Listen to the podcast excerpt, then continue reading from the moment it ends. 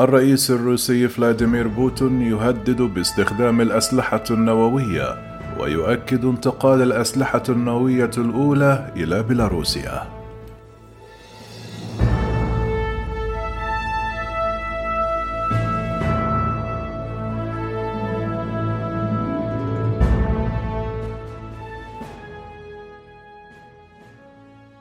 قال فلاديمير بوتين أن روسيا نشرت بالفعل دفعة أولى من الأسلحة النووية التكتيكية في بيلاروسيا.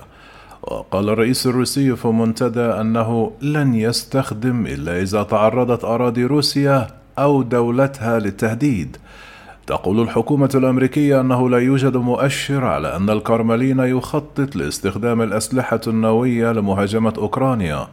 وقال وزير الخارجية الأمريكي أنتوني بلينكين بعد تصريحات بوتين لا نرى أي مؤشرات على أن روسيا تستعد لاستخدام السلاح النووي.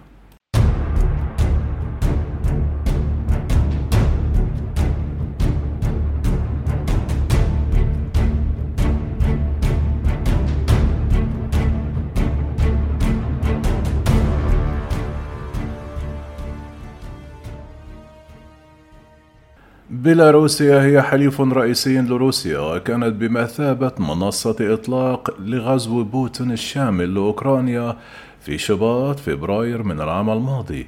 قال فلاديمير بوتين أن نقل الرؤوس الحربية النووية التكتيكية سيكتمل بنهاية هذا الصيف. وردا على الأسئلة بعد خطاب ألقاه في منتدى سان بطرسبرغ الاقتصادي الدولي. قال فلاديمير بوتين أن هذه الخطوة تتعلق بالاحتواء ولتسكير أي شخص يفكر في إلحاق هزيمة استراتيجية بنا. وعندما سأله مدير المنتدى عن إمكانية استخدام تلك الأسلحة أجاب لماذا علينا تهديد العالم كله؟ لقد قلت بالفعل أن استخدام الإجراءات المتطرفة ممكن في حالة وجود خطر على الدولة الروسية. الأسلحة النووية التكتيكية عبارة عن رؤوس حربية نووية صغيرة وأنظمة إطلاق مخصصة للاستخدام في ساحة المعركة أو لضربة محدودة. وهي مصممة لتدمير أهداف العدو في منطقة معينة دون التسبب في تداعيات إشعاعية واسعة النطاق. يمكن أن يصل حجم أصغر الأسلحة النووية التكتيكية إلى كيلو طن واحد أو أقل. ينتج ما يعادل ألف طن من مادة تي ان تي المتفجرة ويمكن أن يصل حجم أكبرها إلى 100 كيلو طن.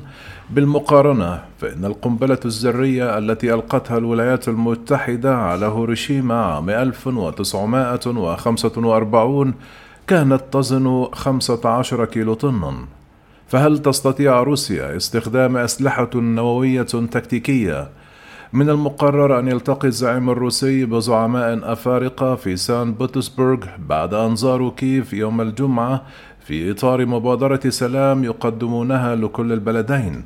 لكن أثناء وجودهم في المدينة تعرضت لهجوم صاروخي روسي. ومن المقرر أن يجتمع القادة الأفارقة مع بوتين اليوم كما دعا رئيس جنوب أفريقيا سيريل رامافوزا إلى وقف التصعيد على الجانبين والمفاوضات من أجل السلام. قال جئنا إلى هنا للاستماع والتعرف على يمر به الشعب الأوكراني لكن الرئيس الأوكراني فلاديمير زيلينسكي قال إنه لابد من تقديم مبادرات دبلوماسية لروسيا ويجب تجميدها دبلوماسيا لإرسال رسالة مفادها أن المجتمع الدولي يدين غزوها. قال زيلينسكي أن كييف لن تدخل في مفاوضات مع موسكو بينما لا تزال تحتل الأراضي الأوكرانية. كما قرر بوتون ادعائه بأن أوكرانيا ليس لديها أي فرصة للنجاح في هجومها المضاد المستمر وقال أن المعدات العسكرية للجيش الأوكراني بدأت تنفذ وسيستخدم قريبا فقط المعدات التي تبرع بها الغرب. قال لا يمكنك القتال وقتا هكذا محذرا من أن أي طائرة مقاتلة أمريكية من طراز F-16 ستمنح لأوكرانيا ستحرق ولا شك في ذلك. كما رفضت أوكرانيا في السابق تصريحات مماثلة مؤكدا أنها تحرز تقدما في استعادة الأراضي في كل من شرق وجنوب أوكرانيا. كما قال نائب وزير الدفاع الأوكراني الجمعة أن الوحدات تقدمت في جنوب البلاد مسافة كيلومترين في جميع الاتجاهات. كما تطرق الزعيم الروسي أيضا إلى الموضوعات الاقتصادية مدعيا أن العقوبات الغربية على روسيا فشلت في عزلها وأدت بدلا من ذلك إلى توسع تجارتها مع أسواق المستقبل وأشاد بصفقات جديدة مع دول في آسيا والشرق الأوسط وأمريكا اللاتينية كما وصفهم بأنهم شركاء موثوق بهم ومسؤولون.